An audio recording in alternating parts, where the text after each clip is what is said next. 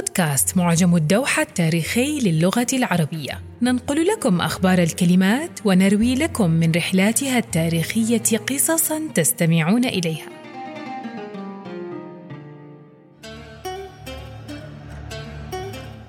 معمعة كلمة دارجة في لهجات عربية عديدة ويقصد بها الصخب وشدة الخطب والصوت والحركة ويقال أيضا ميمعة والكلمة أصلها فصيح. ففي ثمانين قبل الهجرة استعملت بمعنى صوت لهب النار فقال امرئ القيس يشبه نشاط الفرس بصوت النار وأعددت للحرب والثابة جواد المحثة والمرود سبوحا جموحا وإحضارها كمعمعة السعف الموقد. وفي 22 قبل الهجرة استعملت بمعنى شدة الحرب والجد في القتال وجمعت على معامع. حين قال عنترة بن شداد العبسي ستذكرني المعامع كل وقت على طول الحياة إلى الممات.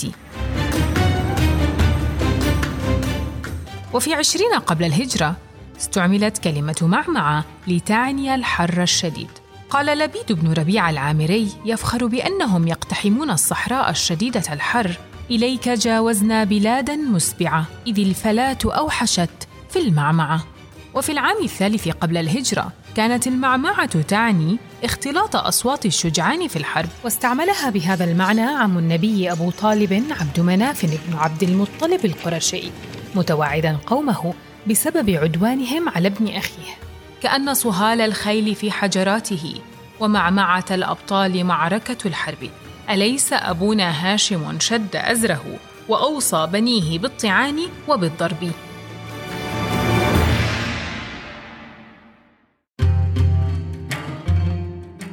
كنا معكم في بودكاست معجم الدوحة التاريخي للغة العربية.